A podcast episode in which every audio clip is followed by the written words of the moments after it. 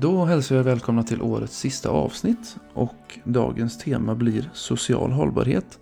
Och det blir lite av ett specialavsnitt för att det blir första gången vi ska ha en intervju här också som eh, jag är väldigt nöjd att vi har fått till med. Ämnet social hållbarhet är ju ett ämne som eh, känns mer och mer aktuellt i samhället och därmed också något som eh, företagen tänker på mer och mer också. Inte minst UF som ju häromåret bara införde tävlingen Årets samhällsentreprenör för att lyfta detta ytterligare då, vikten av social hållbarhet. Vi har fått hit en av våra egna UF-hjältar från Fridhemgymnasiet. Han drev tillsammans med sex av sina vänner företaget Ärligt talat UF för två år sedan. Ett framgångsrikt företag som tog sig till SM Väl där vann han en egen individuell utmärkelse. Årets unga ledare. UF-året blev för honom en naturlig språngbräda in i Locker Room Talk där han nu arbetar på heltid som distriktschef. Nu kör vi!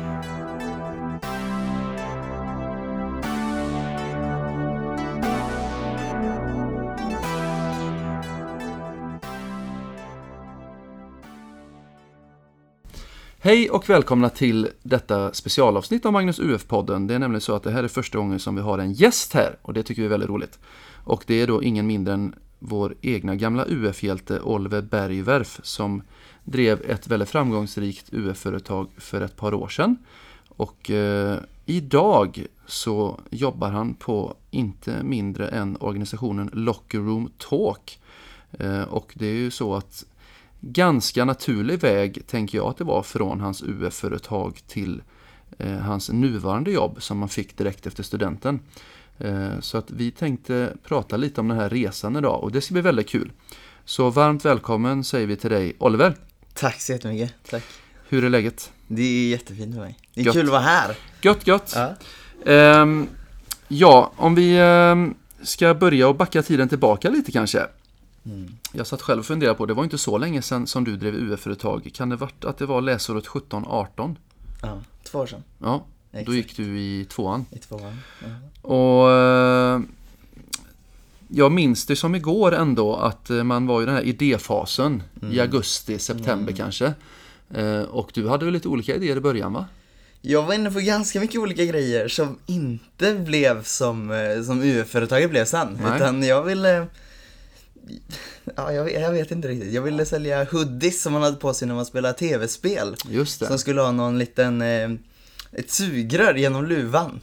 Eh, Just. och ner i en liten Ja, ah, lite ändå nischat så. Så, så, så, att jag, eh, det tog en ganska stark vändning. Och det kan man säga. jag tror också att det var en ganska positiv vändning det blev för min del. Med facit i hand, ja. Med facit i hand, exakt. Ja. Eh, vad jag minns det som så var det väl eh, någon eh, tjej i klassen mm. som eh, var lite eh, extra engagerad just då. Ja. I, och det här var ju hösten som metoo-upproret startade mm. också. Mm. Eh, vad jag minns det så var det en tjej som började prata lite om det här om man skulle skapa en affärsidé kring det. Mm. Och sen så hamnade du i det gänget. Kan du inte berätta hur det gick till? Ja, alltså vi, vi var väl inne på att vi skulle driva UF-företaget tillsammans, vi sju som var där. Det var så ja. Eh, på olika sätt, men vi ja. visste inte vad vi ville göra. Och sen så säger hon liksom att det finns en sak som hon verkligen brinner för. Ja. Och som hon vill vara med och göra skillnad i. Ja. Och, och jag hade verkligen ingen inblick i, i de här frågorna alls, Nej. märkte jag ganska snabbt. Man hade sett på nyheterna olika händelser och sådär men det var mycket närmare än man tror mm. eh, kring sexuella trakasserier som vi då pratade om. Mm. Uh, och hon fick oss andra engagerade, vissa var det mm. eh, redan tidigare men framförallt vi, vi tre killar tror jag blev eh, extra engagerade utifrån hur vi var innan. Just det. Liten ögonöppnare där kanske? Ja, verkligen. verkligen. Mm. Spännande. Mm. Så att eh, ni bestämde er till slut för den här idén då. Eh, och sen så börjar ni väl eh, utforma något koncept misstänker jag. Mm. Kan du berätta lite kort i vad det landade i till slut då för idé? Ja, det vi gjorde var att vi åkte ut till mellanstadieelever och eh, höll i workshops kan man kalla det, om kroppsintegritet och samtycke. Eh, I syfte att förebygga sexuella trakasserier. Ja. Så vi, eh, ja, vi snackade med, med de här unga pojkarna och, och tjejerna också mm. om, om de här frågorna på olika sätt. Mm. Jag vet att det är många UF-företag nu som eh, också håller på med föreläsningar och kanske vänder sig till eh, målgruppen skolor. Mm. Hur gjorde ni för att lyckas? För det är inte alltid som det är den mest eh, köpstarka kunden så att säga. Hur gjorde ni för mm. att lyckas och övertala de rektorer eller vad det nu kan vara som ni kom i kontakt med? Alltså vi gled ju verkligen på en räkmacka i början med det här med metoo som du pratar om. Mm. Det var så aktuellt. Så att när man väl kontaktade en, en rektor så var det mycket som var så här väldigt positivt och ville liksom träffa oss och prata med oss. Just det. Ehm, men första föreläsningen blev faktiskt inbokade för vi hade varit med i ett reportage med Tetela. Mm. Så då ringde en skola oss och, och ville att vi skulle komma dit. Så att i, till en början så var det mer att vi syntes i, i media. Mm. För att sen få bokningar. Så det var en av era framgångsfaktorer, att ni eh, syntes bra i media. Ja, och ja. vad jag minns det så var det väl så, för det, det, är det som jag tycker är lite magin med UF och kanske företagande i övrigt också. att Ju mer saker man gör och desto mer aktiv man är, desto mer liksom häftiga saker brukade hända också. Mm, mm. För var det inte så att ni började, det hela började lite på en julmarknad eller höstmarknad? Eller var det? Höstmarknaden, ja. ja just det. Så då stod vi där, jag var inte med men eh, de andra stod där och sålde någonting som inte egentligen hade någonting med vårt företag att göra. Mm. Men vi började liksom prata lite med, med de som kom och så sålde vi typ marshmallows stoppade i choklad. Det. Eh, så det var helt annat mot, mot vad vi gjorde sen men det var ändå en ett steg att synas och ett steg att, att prata med folk utifrån. Mm. Och då var det någon som snappade upp er där, som jobbade inom media? Inom media, mm. exakt. Eh, så då eh, var det människor som läste artikeln och så mm. blev ni bokade på det sättet. Mm. mm. Eh, och hur var det att komma ut då till klassrummen? Jättenervös till en början. Mm. väldigt så här, Jag hade ju inte riktigt pratat om de här ämnena tidigare med, med kompisar eller med folk i min omgivning. Utan det var ju ganska nya ämnen. Och det var också en hel klass med skolelever som satt där. Mm. Eh, så det var väldigt nervöst till en början. Men mm. man, man, började liksom lära sig ja, men hur, man, hur man kan uttrycka sig på olika sätt. Och sen mm. så var vi tre personer som stod där framme. Mm. Eh, så att man blev allt mer och mer bekväm. Just det, ni, delade, ni utnyttjade det här att ni var så många och delade ja, upp arbetsbördan lite där. Exakt. Mm. Så att till slut, eller efter man har kört ett, två pass, då blev det ju riktigt, riktigt kul mm. istället. Just det, det handlar om att ta de här kliven då och ja, våga verkligen. kasta sig ut lite. Mm. Eh, och det misstänker jag var en del jobb bakom att få fram eran, eh, ert pass också såklart. Mm. Ja, verkligen. Med lite rådgivning och lite annat så gick det bra. Ja, vi pratade ju med bland annat en jämställdhetsstrateg mm. som, som hade lite tips och knep på hur man faktiskt kan få ut det här till, till folk överlag. Och sen så pratade vi med en som, som jobbar här på Frida-koncernen. Mm. Som mer såhär, okej okay, men hur får vi ut det här till till unga, mm. till de som går på mellanstadiet. Mm. Hur, hur anpassar vi det utifrån eh, hur de fungerar? Mm. Um, häftigt att höra. Så ni kom ut och det kan man väl säga också då som ett tips att uh, bra använda sig av nätverk. Ja, så mycket som det går. Verkligen. Utnyttja experter. Mm. För man är ju inte expert på allt själv. Nej, nej. Det gäller att utnyttja experter på ett bra sätt då. Ja, verkligen. Uh, Kul och eh, också som du sa också det här med att ni eh, det underlättades ju av att ni hade en affärsidé som verkligen låg i tiden som var liksom det som var absolut mest i ropet av allt då. Mm, mm. Eh, så att eh, det var ju bra och det var en vettig grej med så att det är ju ja, kul liksom att man kan eh, rida på den vågen så bra det går och, och nyttja det. Mm.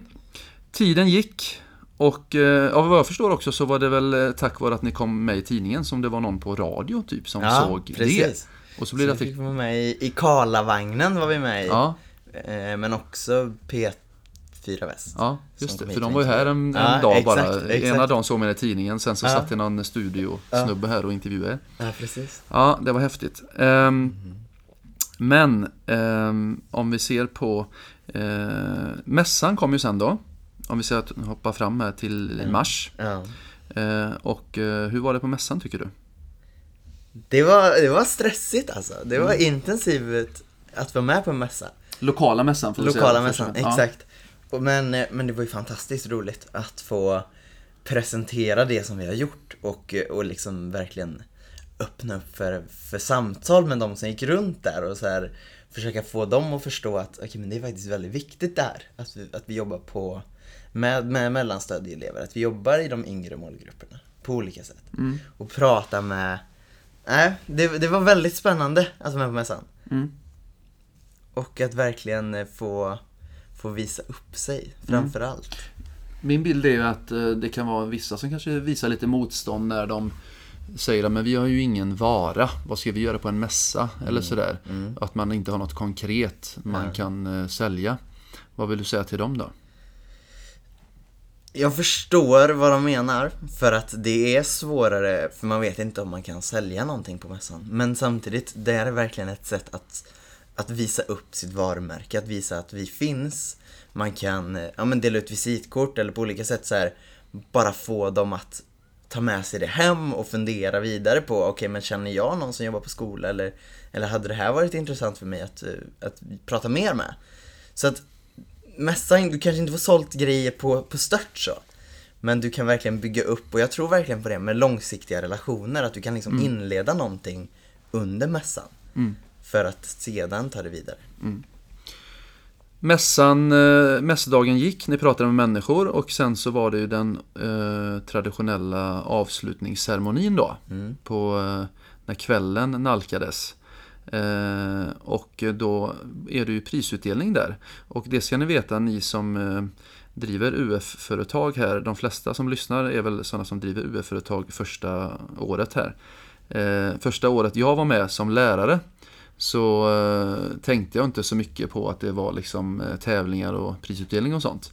Men efter eh, jag var med på första balunset där så blev jag ju helt fångad för att det är ju världens grej tycker jag. Ja, verkligen. De, de gör ju verkligen ett grymt bra event av det. Så kan ni inte berätta lite hur det gick för er då på den avslutningsceremonin då? Det gick väldigt bra. Det var ju otroligt mycket puls mm. när man satt där och visste att okay, men vi har varit med i de här tävlingarna. Just det. Och skickat in bidrag hit och så, och så vill man bara se, okej, okay, men de nominerade är och så ser man en skärm. Eh, och vi fick ju ta emot pris för, för årets hållbara företag mm. och årets tjänst. Mm. Eh, vilket är två fantastiska priser. Det var Verkligen. ju hållbara företag. Det är ju nytt nu, sen förra året, att mm. det inte gäller social hållbarhet. Precis, för att de tycker det är så viktigt vad jag förstår på UF så att de har ju en egen, en egen eh, samhällsentreprenör. Jajamän, som de har med på de lokala mässorna nu. Ja, mm. precis. Mm. Men årets hållbara företag då var i alla fall också gällde oss. Jajamän. Så att ta hem den framför så många andra företag som, som drev hållbara företag mm. var ju fantastiskt. Mm. Och årets tjänst är också en, en väldigt bedrift och båda de två ledde ju till att vi fick åka upp SM. Jajamän. Um, och sen så fick jag utse, blev jag utsedd till Årets nätverkare i Fyrbodal. Just det, för de hade ju en, eh, det kan ju vara så här, vissa avvikelser kan förekomma som man brukar säga. Mm, mm. Eh, ibland har de lite egna eh, tävlingar och det var väl en eh, tävling som jag tror man körde på kanske hela Sverige fast de har inte haft det varje år. Men då var det med Årets nätverkare mm. vill man uppmuntra. Eh, och eh, det var en individuell tävling va? Ja, precis. Och då gick du och vann den? Då gick jag och vann den. Ja. Jag visste ju inte att jag var liksom nominerad till det, men det kom fram en jury till mig när vi stod där i montern mm. och, och, diskuterade lite och pratade. Mm. Mm. Och jag visste inte så mycket om nätverkande förutom det man hade lärt sig under kursens gång. Ja. Så att det var ju mycket så här, man fick fundera kring, mm. okej okay, men hur har vi faktiskt använt våra nätverk på mm. olika sätt? Ja, precis. Och då inser man att, ja men det är verkligen en grej som vi har gjort och, mm. Eh, och som har fått oss till att bli de vi, de vi var. Mm. Absolut. Nätverk är A och O. Ja, men verkligen, verkligen. Mm. Så att det blev en liten storslam kan man säga den kvällen ja. då. Det var en eh, bra, bra skoldag. Ja, verkligen. Mm. Och sen så var det ju bara att ladda om då inför SM som gick av stapeln i maj. Mm. Och då är det väl många som tycker att det är ju häftigt att bara komma dit. Ja men verkligen. Alltså det är ju, jag vet inte om det är 150 företag eller någonting som är där. Det är drygt 200 tror jag. Drygt, drygt 200 till och med. Mm. Av de bästa liksom i hela Sverige och bara mm. att gå runt där på mässan och titta på vad de andra har gjort. Mm. Det är så galet häftigt. Uh, ja. Var det inte då också som ni hade uh, var ett annat UF-företag där som hette Lockroom Talk? Jo, de var ju där och de hade ju drivit UF året innan. Det var året innan de ja, körde? Men de mm. två, Changa och Rogerio mm. som är grundare, var ju där och, och pratade mm. med Montreal. Just det. Mm. Så att det var ju, de hade ju jag sett som förebilder under det här året mm. och börjat liksom få upp ögonen för. Jajamän. Eh, för deras organisation och vad de gjorde. Mm. Och jag kommer ihåg så väl när vi stod där och bara såg, ja men de är gatan nedanför. Mm. Så stod liksom hela vår grupp och bara, ja vi kommer snart. Ja. Det var så här, ja. Ja, vad häftigt. Så man kommer ihåg det väldigt väl. Ja. Lite idolmöte nästan där kan man ja, säga. Ja, lite så. Ja, häftigt. Ja. Eh, men det minns jag mycket väl också, jag var där mm. och plåtade er och eh, ja, det var exakt. härligt var det, var kul. Ja, SM är fantastiskt, mycket bra event. Ja, verkligen. Eh, och ehm, då var det ju så att då är man ju med och tävlar om man vinner i någon kategori på den lokala mässan så är man ju med och tävlar i den mm. på SM tillsammans med det är väl 24 regioner tror jag så att då tävlar man mot 24 andra. Eh, och då var det de tävlingarna, Årets tjänst och Året hållbara som ni var med i. Mm. Och sen så var väl du med i eh, en ytterligare en tävling som de hade det året. Ja. Som var en individuell tävling som jag tror baserades på det här att man hade vunnit som nätverkare. Jag tror också det. Mm. Ja. Och då var det, vad var det för tävling den hette? Det var Årets unga ledare. Precis. Så då fick jag eh, Ja men kvällen innan själva mässan skulle dra igång så kommer en kille från, från UF Alumni fram till mig och säger att Just det, vi har nominerat dig till, till Årets unga ledare, så det kommer komma en jury till dig imorgon. Mm. Och då var det så här, ja, ja det, det, då blev man lite stressad och mm. lite nervös, men det var väldigt kul att få den nomineringen först och främst. Mm. För det är ju 25 personer av de 30 000 som hade drivit UF-företag ja, wow. det året. Häftigt alltså. Eh, så då hade de en eh, intervju med dig? Ja en och sen blev det en till och sen en till. Åh herregud. Så att det, det kom väldigt många jurys. Det var seriöst eh, ja. moment detta kan man säga. Ja, det kändes så. Mm. Och eh, min, vår montergranne hade också fått den här utmärkelsen. Så att juryn stod liksom mellan våra montrar ja, hela tiden typ. Just det. Mm. Så det mm. var spännande. Ja. Mm. Eh, och det är ju två eh, långa, härliga och intensiva dagar och mm. eh, andra kvällen så avslutas ju det hela med en galamiddag. Mm som påminner lite om eh, det som är på de lokala mässorna. Mm. Fast eh, lite uppskalat och upphypat ja, ytterligare kan verkligen. man säga. Ja. ja. Eh, och kan du berätta lite vad som hände där då? Ja men då, då var det ju mycket Alltså då, då var man ju väldigt nervös utifrån att vi hade ju varit med i flera andra tävlingar mm. också. Mm. Men framförallt så var jag nervös utifrån det här att men tänk om man blir, det var fyra personer som skulle få det här priset, Årets mm. unga ledare. Mm. Tänk om man blir en av de fyra och får liksom gå upp på scenen här framför drygt tusen pers. Mm. Uh, ska man behöva säga någonting eller så här, lite nervöst så. Ja. Mm. Um, Blandade känslor. Verkligen. Ja. Och sen så, så såg jag liksom mitt namn på skärmen. När det var dags? Ja, ja, exakt. Hur kändes det? Nej, det kändes helt sjukt. Ja. Det var faktiskt väldigt galet. Ja. Och oväntat. Mm. Är jag faktiskt beredd att säga. Mm. Verkligen. Jag, eh, jag hade inte känt av riktigt så här, men hur jag jobbar med ledarskap i gruppen tidigare. Utan det var mer att jag började fundera kvällen innan. Ja. På så här, okej okay, men hur, hur jobbar jag? Hur vill jag jobba på olika sätt? Mm. Så att jag lärde mig väldigt mycket av att förstå hur, hur jag själv funkar. Mm. Eh, kring ledarskap. Just det. Ja, hur var det att stå där inför eh, säkert närmare 2000 pers och ta emot uh, publikens jubel då? Det var häftigt, det var riktigt häftigt. Men ja. det var också nervöst. För ja. jag trodde att jag skulle behöva säga någonting. Ja. Men det behövde vi inte. Utan det var så här, ja och sen så fick vi gå. Utan vi fick bara stå där och ta emot priset. Så det var skönt. Ultimata ceremonin. Ja, verkligen. Härligt. Men om vi ska ta lite kort om eh, ledarskap. Det är ju en mm. Eh, jättekomplex fråga. Mm. Såklart, det finns ju kurser liksom, som bara handlar om ledarskap och så. Men om man bara lite generellt ska tänka eh, kanske vad som kännetecknar bra ledarskap enligt dig. Har du några mm. saker som du tänker att men det här tycker jag ändå är, brukar funka som bra ledarskap? Alltså jag tycker ju det absolut viktigaste hos en bra ledare är att faktiskt se alla i gruppen och försöka förstå vad deras styrkor är. För att sen sätta upp ett gemensamt mål som vi hela gruppen alltid strävar emot. Och en mm. bra ledare för mig är inte den som liksom det måste inte vara den som står längst fram och bara springer mot det här målet utan att snarare stå längst bak och se så att hela gruppen följer det här målet och mm. att man att man för, gemensamt mm. strävar mot vad man vill uppnå. Mm. Det skulle jag säga är en bra ledare. Mm. Och att verkligen, som jag sa, att verkligen se individerna i gruppen, se deras styrkor. Eh, och att då, ja men anpassa uppgifter, anpassa liksom vad som ska göras utifrån vad de är för personer och hur de vill utvecklas. För det mm. tycker jag också är en väldigt viktig punkt. Att mm. så här, hur vill vi utvecklas individuellt men också gemensamt? Mm. Och, eh, och att få dem att Ja men de behöver utmaningar. Mm. Vissa, vissa älskar utmaningar. Då ska de få utmaningar mm. i den här gruppen som mm. man bygger upp. Så det är lite olika ingredienser som du lyfter här tycker jag. Mm. Kommunikation känns som det är väldigt viktigt då. Väldigt för att verkligen viktigt. känna av liksom gruppen och individerna.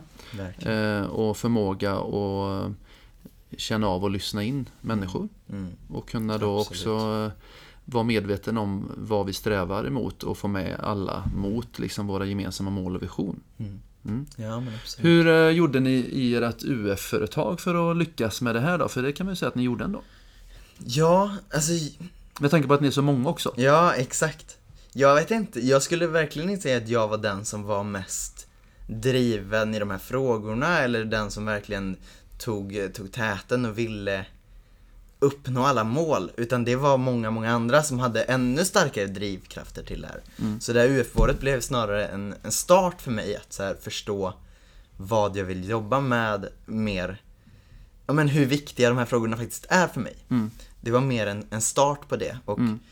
och det är klart att det är svårt när vi, ni var sju personer i ett UF-företag att hålla ihop gruppen på olika mm. sätt. Men, men jag tror att mycket handlar om att jag eller vi tillsammans försökte skapa en väldigt öppen relation till varandra och försökte verkligen bli, eller vi var kompisar sedan innan, men att verkligen stärka den gruppen. Mm. Och att verkligen så här, man kunde säga vad man tyckte, man kunde eh, ja, men berätta och förklara att nej men jag tycker faktiskt vi ska göra på det här sättet istället. Mm.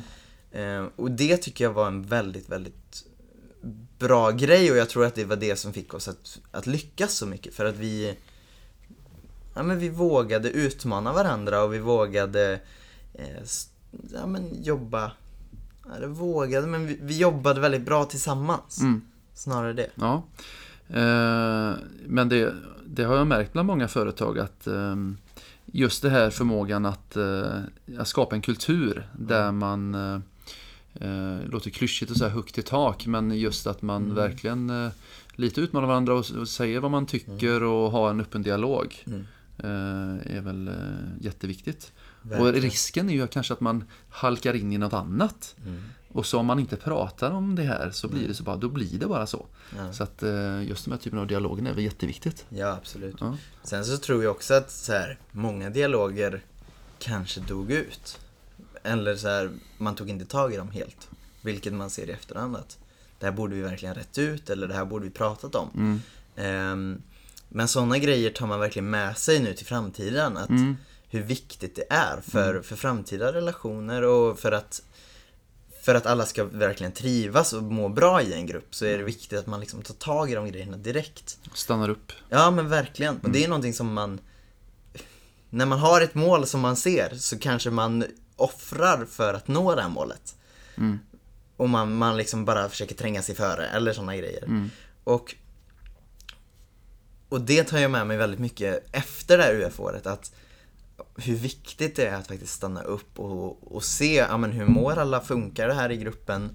Eh, det kunde vi absolut varit bättre på. Mm. Men eh, som sagt, man tar med sig mycket också. Det är ju det som är en av huvudpoängen också med ja, UF-året, ja, att lära sig. Verkligen. Eh, ja, intressant att höra. Om, du pratar ju lite om lärdomar, om man ska fortsätta mm. på den delen där om du ska, om generellt sådär vad du tänker är dina lärdomar från det här UF-året. Det kan ju vara ett och annat misstänker jag eftersom det var ett väldigt händelserikt år.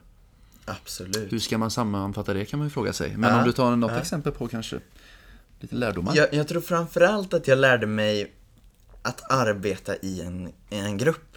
Och att förstå att, okej okay, men alla är olika och fungerar olika på olika sätt. och hur gör vi det då till det bästa? För att man märkte att, ja men i början då är alla motiverade och det går bra liksom. Smekmånaden. Ja, men verkligen. Och sen så börjar det liksom, folk vill göra på sina egna sätt och det börjar liksom sprida ut sig lite mer. Och det tar man med sig ganska mycket för att tidigare när man gjort projekt, eller grupparbeten i skolan så, så jobbar man kanske i tre veckor. Och sen mm. är det liksom klart. Ja. Men nu ska man hålla ihop under ett helt år. Mm. Och, och då märker man att äh, men det är inte bara den här smekmånadsfasen hela tiden. Utan det kommer spreta. Man kommer liksom uh, gå åt olika håll och vilja olika. Mm. Uh, det är verkligen en grej man tar med sig att så här, okay, men hur, även om vi kunde gjort det bättre men så ser man nu efterhand, okej okay, men vad kunde man gjort bättre? Mm. Vad, vad skulle vi gjort för att hålla ihop på olika mm. sätt? Mm. Eh, sen så tar jag med mig jättemycket kring att driva någonting och verkligen vara motiverad till att göra någonting så mycket som alla i den här gruppen var. Mm. Eh, och att verkligen men sätta mål som vi vill nå och att, då, att jag då hade vissa i gruppen som verkligen ville det här mer än allt annat fick ju mig väldigt motiverad och fick ju mig att vilja ta tag i det här och verkligen kunna göra skillnad för, för det är ganska ovanligt att jobba med sådana här grejer som kille. Mm. Eh, och jag tyckte det var ganska svårt mm. till en början. För att det är verkligen att man man gör någonting som, som inte många andra killar gör. Nej. Så det var skönt att vi också var två andra. Precis. Förutom mig. Mm. Eh, men det lär jag mig att så här, men våga göra det som man, som man vill. Precis. Och att stå fast vid det. Mm många spännande dimensioner i detta. Ja, eh, man, man, kommer in lite på saker som kanske eh, hur man förväntas vara och ja, sådär som kille ja, och tjej. Och, eh, att man får utmana sig själv lite grann kanske då i saker man kanske inte har tänkt på så mycket innan och så. Nej, verkligen. Ja, jättespännande att höra om dina tankar och erfarenheter och lärdomar. Eh, lärde du dig något speciellt om just det här temat social hållbarhet då? Om man tänker att det är som ett, eh, en ganska stor gren inom hållbarhet. Mm. Eh, och vad tänker du att dina lärdomar var inom det? För att er eh, affärsidé handlar ju, utgick ju från social hållbarhet och prata lite om det här med hur man beter sig och så. Mm. Alltså jag tror jag tar med mig i första hand att det finns och att det är väldigt viktigt. Men, men också att det här är någonting som kan som kan arbetas med på olika sätt. Det kan vara att man arbetar med social hållbarhet i sitt företag och att man jobbar med, med de här delarna eh, med sina anställda på olika sätt. Just det, internt. Internt, exakt. Men också att det är väldigt viktiga och jag tycker väldigt spännande och roliga frågor att arbeta med just kring men, inkludering på olika sätt eller hur kan vi jobba i, i samhället. Eh, så att i första hand så tror jag att jag tar med mig att det, att det finns mm. framförallt. Mm. Och att man eh, kan arbeta med det på olika sätt och att det är ganska, eller väldigt spännande tycker ju jag. Ja, absolut. Mm. mm. Ehm, tack för det. Ehm, det är ju en väldigt bra insikt tänker jag. Ja. Att det verkligen öppnas upp nästan som en liten ny värld. Så. Ja, faktiskt, man kanske inte faktiskt. alltid har uh, tänkt på i sina yngsta år. Eh, mm. Eh, om vi ska summera lite första delen här med UF-året. Mm. Så tänker jag avsluta med en fundering kring hur ditt UF-företag och ditt UF-år generellt har påverkat dig som människa tror du? Otroligt mycket. Alltså verkligen jättemycket. Eh, både kring, kring självförtroende. Att, att våga ja, men våga göra andra saker och våga prova. Ehm, jag gillade inte att stå framför folk och snacka innan UF-året. Men det var verkligen någonting som, kring det här med självförtroende, att man lärde sig att ja, men jag klarar det här och det går bra och jag eh, tycker om att prova och ibland så går det inte så bra men då lär man sig väldigt, väldigt mycket av det. Mm. Um, och, och påverkat mig i, i, arbetsmöjligheter. Att jag nu jobbar som distriktschef för Lockroom Talk. Det är ju som du sa i inledningen att det är ju förmodligen UF-året, eller det är UF-året som faktiskt har byggt upp till att jag har hittat en arbetsplats som jag trivs väldigt, väldigt bra i. Mm. Eh, och det påverkar mig på, på alla sätt. Ja, men både kring hur jag är öppen mot andra människor. Mm. Och vill liksom lära mig av andra människor och vill prova nya grejer. Mm. Jag vill se vad, vad kan man göra med jag tror jag blir väldigt mycket kreativare. Mm. Spännande, att, kreativ också. Ja. ja. men kreativitet, att prova grejer och mm. våga prova grejer. Att mm. så här... Ja, det är en nyfiken entreprenörskapsanda ja, som så. Eh, lite så. kommit igång ordentligt där. Ja. ja. Så det är väldigt spännande. Mm. Snacka om ja. att uh, det har gjort avtryck. Ja. Det är kul. Mm. För att det, handlar i grunden om någonting som vi har gjort i skolan. Och det, vi vill ju ja. liksom att skolan verkligen ska bidra med positiv och bra utveckling av er unga människor här. Ja, eh, mm. Du började prata lite om Locker Room Talk här och mm. eh, jag vet, jag var ju uppe på eh, SM, hade jag förmånen att vara även året innan ni drev. Och då såg jag ju dem som UF-företag där ja. och då de var ju relativt okända. Eh, men de hade någon monter där de körde VR-glasögon minns mm. jag och det var lite folk som samlades så det här var intressant. Och sen så fick de ju köra sin pitch där på kvällen eh, när det var fyra företag kvar bara. Och, mm. Och så fick man vara med när de vann där och det var ju häftigt. Mm. Och det kändes som, de kändes som ganska självklara eh, segrar det året. Med all respekt för tvåan, trean, fyran så kändes det som att det var enormt jubel liksom. Eh, när de kammade hem det. Så att, eh, ja, det var häftigt. Eh, och de var ju som du sa, de var uppe även eh, när ni drev ert UF på SM där.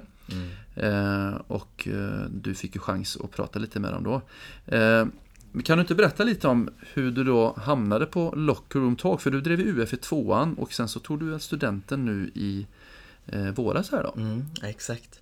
Så det var ju efter, efter det här UF-året så, så fick jag ett samtal, eller efter SM snarare sagt, så fick jag ett samtal av Changa då, som är ordförande för Locker Room Talk och en av, en av grundarna. Eh, så han ringde mig och hade sett både när vi pratade i montern men också så satt ju de i publiken när jag tog emot det här priset.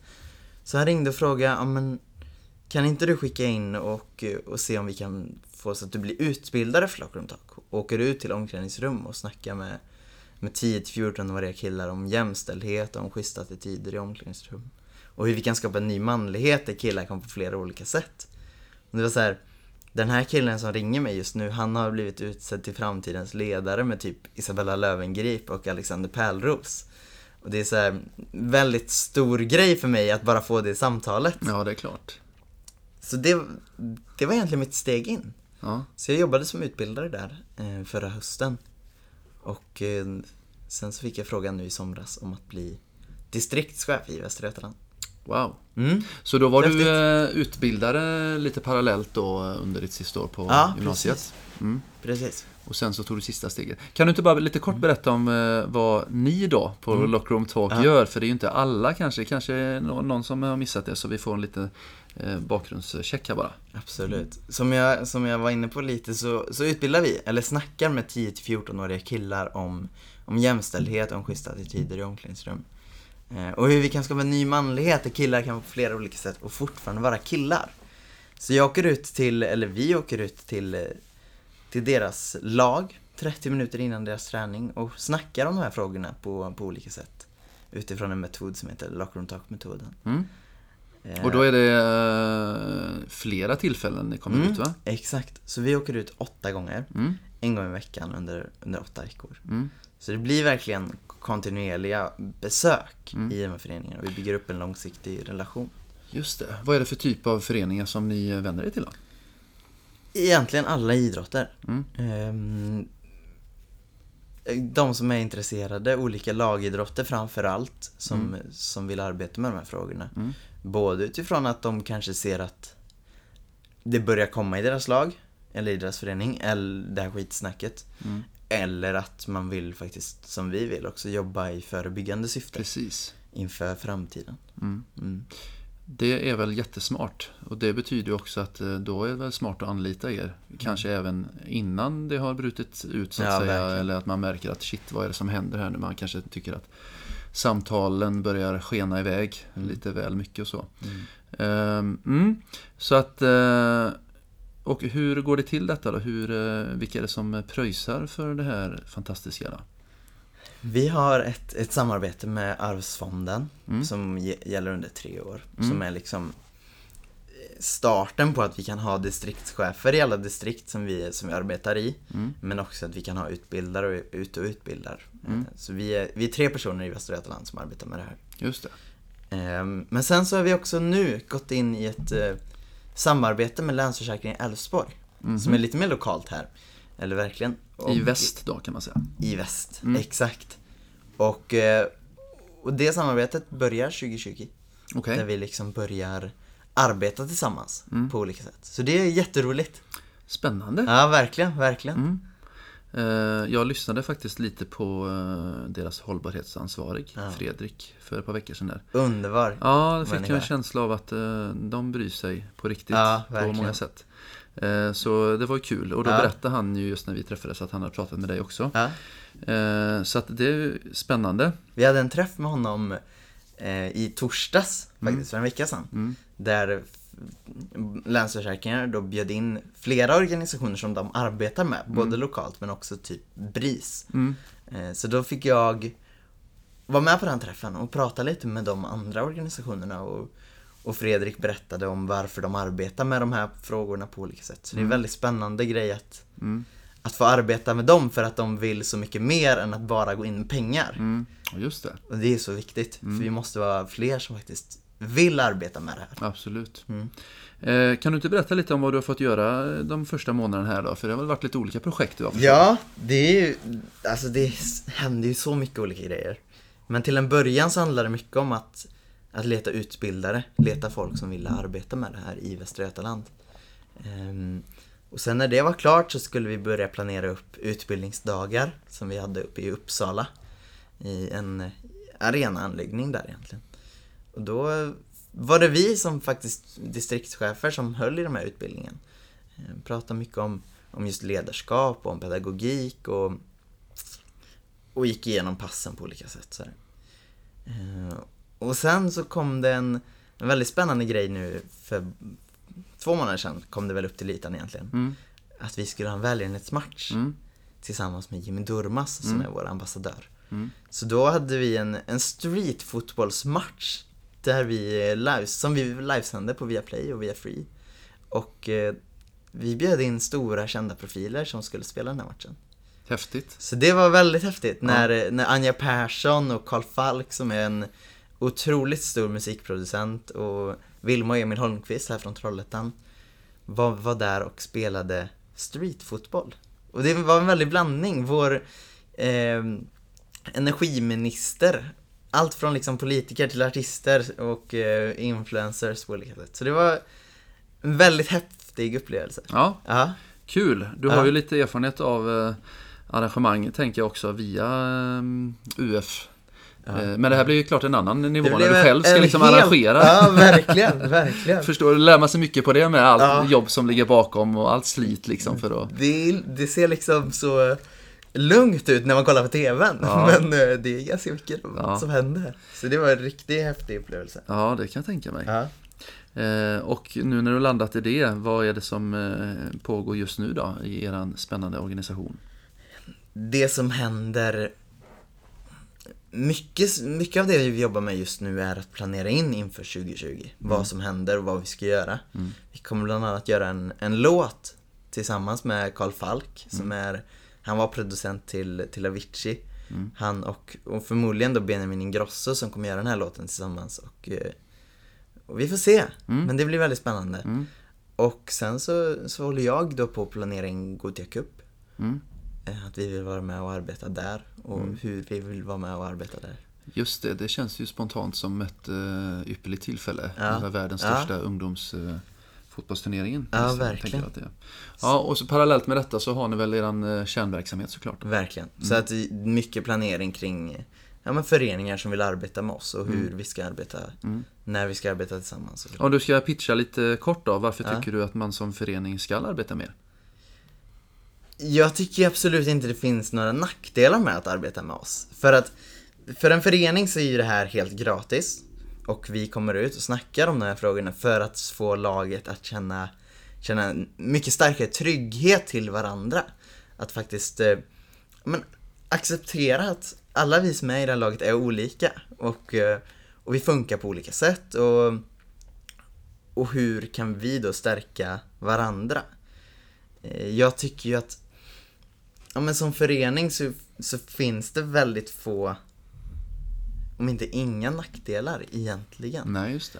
För att det är, det är någonting som verkligen behövs och det är någonting som jag som, som har växt upp med innebandyn att det, det förekommer i ett omklädningsrum och jag har också varit en del av det här snacket som sker i ett omklädningsrum men man är inte medveten om det. Ja, just det. Och man vet inte heller vad man ska göra för att förhindra det. Nej, och i den åldern så tänker man väl inte alls kanske på Nej, vad de så. här sakerna kan eh, bidra till i förlängningen. Nej, men precis. Så att för att hålla kvar sina ungdomar längre så tror jag verkligen att det här är en väldigt långsiktig och bra lösning. Mm. Att faktiskt prata om de här frågorna mm. redan mm. i, i tidiga åldrar. Mm. Och sen så kommer vi börja nu 2020 med både föräldrar och, och ledarutbildning. Där vi faktiskt samlar tränare och föräldrar och, och pratar om vad vi, vad vi pratar om under våra pass. Men också efter de här åtta veckorna, vad händer då? Mm. Hur tar vi det här vidare? Hur jobbar mm. vi vidare med de här frågorna? Mm. Ja, just det. Mm. Det låter ju som ett väldigt bra sätt för föreningar att jobba med socialt ansvarstagande. Verkligen. Och det misstänker jag, jag har inte läst alla föreningars stadgar, men eh, jag tror väl att eh, liksom, mycket av föreningslivet handlar ju om det. Mm. Att det är ett socialt mm. ansvar, att man har ett, ett uppdrag i samhället och, mm. och fostra. Eh, så att det, det, känns väl som en klockren grej då. Ja men verkligen. Det är ju, alla föreningar skriver ju egentligen hur, att de vill arbeta med det. Mm. Men det som Sunshine och Roche såg när de startade upp Lockroom Talk var ju mm. att man vill arbeta med det men man vet inte hur. Nej. Man vet inte, menar, hur ska vi arbeta med jämställdhetsarbetet i mm. vår förening? Ja, precis. Vet inte riktigt. Nej. Men eh, det är därför som jag tror också Lockroom Talk gör en väldigt blir ett väldigt bra komplement till eller en inledning ja. i hur man ska arbeta med det. Ja. Mm. Fint. Um, vi ska väl börja att runda av lite grann. Mm. Eh, åt det hållet i alla fall. Men jag tänkte ändå ett par avslutande grejer. Jag frågade ju lite om UF-året, hur det har påverkat dig. Om den här perioden på eh, Lockroom Talk. Hur har, eh, på vilket sätt har, har du utvecklats eh, under den här perioden? Jättemycket. Mycket framförallt kring att man sitter och arbetar väldigt mycket ensamt. Och hur, eh, hur gör man det? På olika, alltså, hur får man kreativiteten att flöda när man sitter själv i ett rum och, eh, och bollar idéer med sig själv på olika sätt? Det är något som man verkligen tar med sig mycket. Kontrast mot när det var sju hela tiden. Ja, exakt. Mm. Verkligen. Mm. Och sen så tar jag med mig jättemycket från att prata med, med alla som är med i organisationen, för alla är så häftiga människor tycker jag. Det är verkligen så här, man har en stark drivkraft, alla kommer från olika delar av ett omklädningsrum. Vissa är de som har varit så riktigt taskiga och som förstod på senare år att det var inte okej. Okay. Och vissa är de som var på andra sidan. Mm. Och, och, att alla de samlas och pratar om, om de här frågorna är så himla häftigt. Mm. Eh, och på utbildningsdagarna så är det så här, man pratar med, med helt nya främlingar om frågor som man liksom aldrig pratat med sina kompisar om. Ja, just det vissa är så öppna och bara pratar om hur de mår och allting hur de känner. Mm. Jag är ganska dålig på det, så det, jag lär mig jättemycket på, mm. på sådana grejer. Mm. Häftigt. Ja, verkligen. Um, om vi tittar på hur det ser ut idag då, eh, med UF generellt. Mm. Så min eh, erfarenhet, min lilla erfarenhet utifrån året är ju att eh, vi har många UF-företag som väljer att jobba med just social entreprenörskap. Ja. Av de UF-företagen vi har här så är det nästan hälften och det är ju ett enormt uppsving jämfört med tidigare år. Sen vet inte jag hur representativ våran skola är. Men jag tänker väl att det säger väl ändå någonting. Mm. Eh, varför tror du att många väljer att jobba med just social entreprenörskap idag? Det är det är ganska häftigt tycker jag att det är så många som verkligen har börjat arbeta med det. Men jag tror att det ändå kommer från att man vill arbeta med hållbarhet på något sätt. För det är så viktigt för, för alla. Speciellt i våra åldrar tror jag hållbarhet är något av det viktigaste. Man ser ju bara på Greta Thunberg och alla som hon får med sig. Mm. Eh, där handlar det om, om miljön. Men jag tror att vissa finner en drivkraft i, i det sociala mycket starkare än i att arbeta mot, eh, mot miljöns eh, hållbarhet. Mm. Är du med på vad jag menar? Jajamän. Mm. Och, det är klart, det, det, båda saker berör ju människor, ja, men ja, inte verkligen. minst kanske sociala. Ibland kan ju det vara mer konkret kanske utifrån saker man själv mm. har sett och upplevt mm. på ett annat sätt. Då. Och man får verkligen vara en del av det. Många av dem som du pratar om är ju ute och, och kanske föreläser eller håller i olika workshops. Och då är man verkligen en del av det här att man är där och gör skillnad på plats. Och mm. det tror jag också är en, en stark drivkraft för många, att verkligen få se att man kanske inte ser att det gör skillnad, men man får ändå prata med folk om de här grejerna. Kan det hänga ihop också med, det kan ju vara flera faktorer, men eh, många pratar ju om att det inte är lika mycket tabu idag kring att prata Nej. om vissa saker. Nej. Eh, eller kanske att man vill motverka tabun. Ja, så är det nog verkligen. Mm. Att man ja, men vill testa hur, hur man kan verkligen utmana samhället mm. eller samhällets normer mm. eller det beror ju på vad man pratar om men, men att man verkligen går emot det på olika sätt. Ja. Jag tror också att det är någonting som, som många finner en drivkraft i. Mm. Att man, man gör någonting unikt och mm. gör någonting som ingen har gjort tidigare. Det var väl det också med när metoo startade, att det var ju mm. också lite mer av ett tabu innan, mm, tyvärr då. Eh, men det kan man ju knappast, eh, det har ju gått så eh, hänt så mycket så att mm. nästan det känns avlägset att det är sånt totaltabu. Mm. Även om det så det är ju häftigt att det ja. liksom händer saker med vår mentalitet med sådana här olika rörelser. Då. Ja, eh, förhoppningsvis så kan det ju vara så kring många aspekter av psykisk ohälsa. Mm. Eh, att eh, det behövs ju pratas om, mm, lyftas. Verkligen. Mm. Eh, vad tror du är viktigt att tänka på då, om man vill lyckas med just det här socialt hållbara? Så många tänker ju att man vill bli liksom samhällsentreprenörer och mm, så. Mm. Som ni var och lyckades bra med. Ja, men precis. Alltså jag tror det absolut viktigaste är att faktiskt hitta någonting som man på riktigt brinner för. Och på riktigt vill göra skillnad i.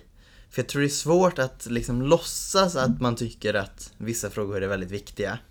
För då blir det ganska genomskinligt när man väl kommer ut och pratar om det. Mm. Och jag tror också det är svårt att, så här, att verkligen lyckas om man inte tycker att det, det här vill jag göra skillnad med. Ja, precis. Men samtidigt tänker jag så här då. Man kanske inte ska stänga dörrar direkt. Eh, för att eh, det kan ju vara ämnen som man inte vet att man har potential att brinna för. Som eh, det Verkligen. som ni höll på med. Ja, absolut, för att du absolut. kanske inte Eh, innan ni drog igång identifierade dig som en liksom riktig sån eh, förkämpe Nej. som stod på barrikaderna. Men Nej, du kände att okej, okay, det här är ju faktiskt viktiga ja, grejer. Ja, och att, eh, så att man kanske också samtidigt kan vara lite öppen och känna att eh, man kan bli intresserad av någonting. Ja, men då bör, bör, man känna det också. Så att man verkligen känner det efter ett tag. Om man aldrig känner någon gnista. Nej. Det kanske är då som det är svårt att känna. Att men jag tycker också att UF-året får väl ändå i så fall vara ett sätt att prova mm. om man känner en gnista eller ja, inte. så kan det vara. För att, eh, ja men man lär sig så mycket, man märker också så här, som du säger, man märker nog inte direkt att nej men det här passar inte mig, eller det här nej. brinner jag inte för. Nej. Utan ge det ett år i så fall. Ja, precis. Och så märker man efteråt att nej, det här gick inte så bra. Eller så gick det bra men man känner fortfarande att nej men det här passar inte mig. Eller jag tycker inte det här är kul egentligen. Nej. Eh, så jag, ja, jag jag ändrar mig, men jag håller faktiskt helt med. Mm. Att så här, prova. Jajamän. Eh, sen så tänkte jag bara återkoppla till någonting du sa tidigare. Eh, du sa ju just det här med att eh, det du jobbar med på ditt UF-år, mm. att det la ju en sån grund till ditt fortsatta arbete med Lockroom mm. Talk och det hade ju antagligen aldrig hänt annars. Eh, men kan det inte vara så också att menar, det här är ju bara en gren i företagande och entreprenörskap. Ja, skulle man kunna översätta det också till andra saker, att man som UF-år har jobbat med något helt annat. Mm. Och så kan det ju det innebär att det blir en språngbräda till andra ja. verksamheter som ligger nära till det. Ja men verkligen, alltså man lär sig så mycket om, om så många olika delar. Jag menar kundresan, bara en sån sak. Att, ja men hur skapar vi en relation till våra kunder? Eh, det gjorde ju vi också. Att så okej okay, men hur, hur får de bästa möjliga respons från oss och hur vill de liksom fortsätta arbeta med oss. Men det är ju någonting som jag hade tagit med mig om jag börjar sälja kläder nu också. Mm. Att, ja men hur, hur får vi den här bra kundresan? Hur får jag en bra relation till mina kunder? Mm. Så att UF-året öppnar upp för så mycket annat. Man skapar sig ett nätverk. Man lär känna liksom nya personer som man kan använda på olika sätt senare. Det handlar inte bara om det man gör, ens affärsidé. Nej, precis. Häftigt. Så jag tycker ju verkligen att, ja, men för att lyckas så tror jag bara det, det gäller bara att våga prova och våga göra någonting nytt och nytänkande. Mm. Vilket är svårt när det är många som gör samma, har samma koncept, att, att våga gå utanför det. Mm. Men jag tror det är så, så viktigt mm. för att verkligen, om man verkligen vill lyckas stort. Mm. Mm. Det gjorde du och det gick bra. Det gick bra. Ja. ja. Eh, är det någonting mer som du känner att vi eh, ska ta upp eller någonting mer som du vill säga som inte jag har pratat om? Tycker det är fantastiskt roligt att jag fick komma hit mm. som första gäst. Grymt kul ja. att ha det här. Eh, det var ju fantastiskt trevligt. Ja. Eh, så att jag säger stort tack till dig Oliver Bergberg och så önskar jag eh, stort lycka till med fortsatta arbetet i Lockroom Talk. Tusen tack. Ja, det var allt vi hade att komma med för denna gången. Och känner du till någon som är engagerad inom något man kan koppla till UF-året som skulle vara intressant att lyssna på så hör gärna av er till exempelvis mejlen magnusufpodden gmail.com Jag får tacka er så mycket för att ni tog er tid och tack alla som lyssnat idag och under hösten här. Det här var som sagt sista avsnittet för i år. Så att nu önskar jag er alla en riktigt härlig ledighet. Det ska bli gött. Så återkommer jag med inspirerande och lärorika avsnitt nästa år. Ha det bra. Hej!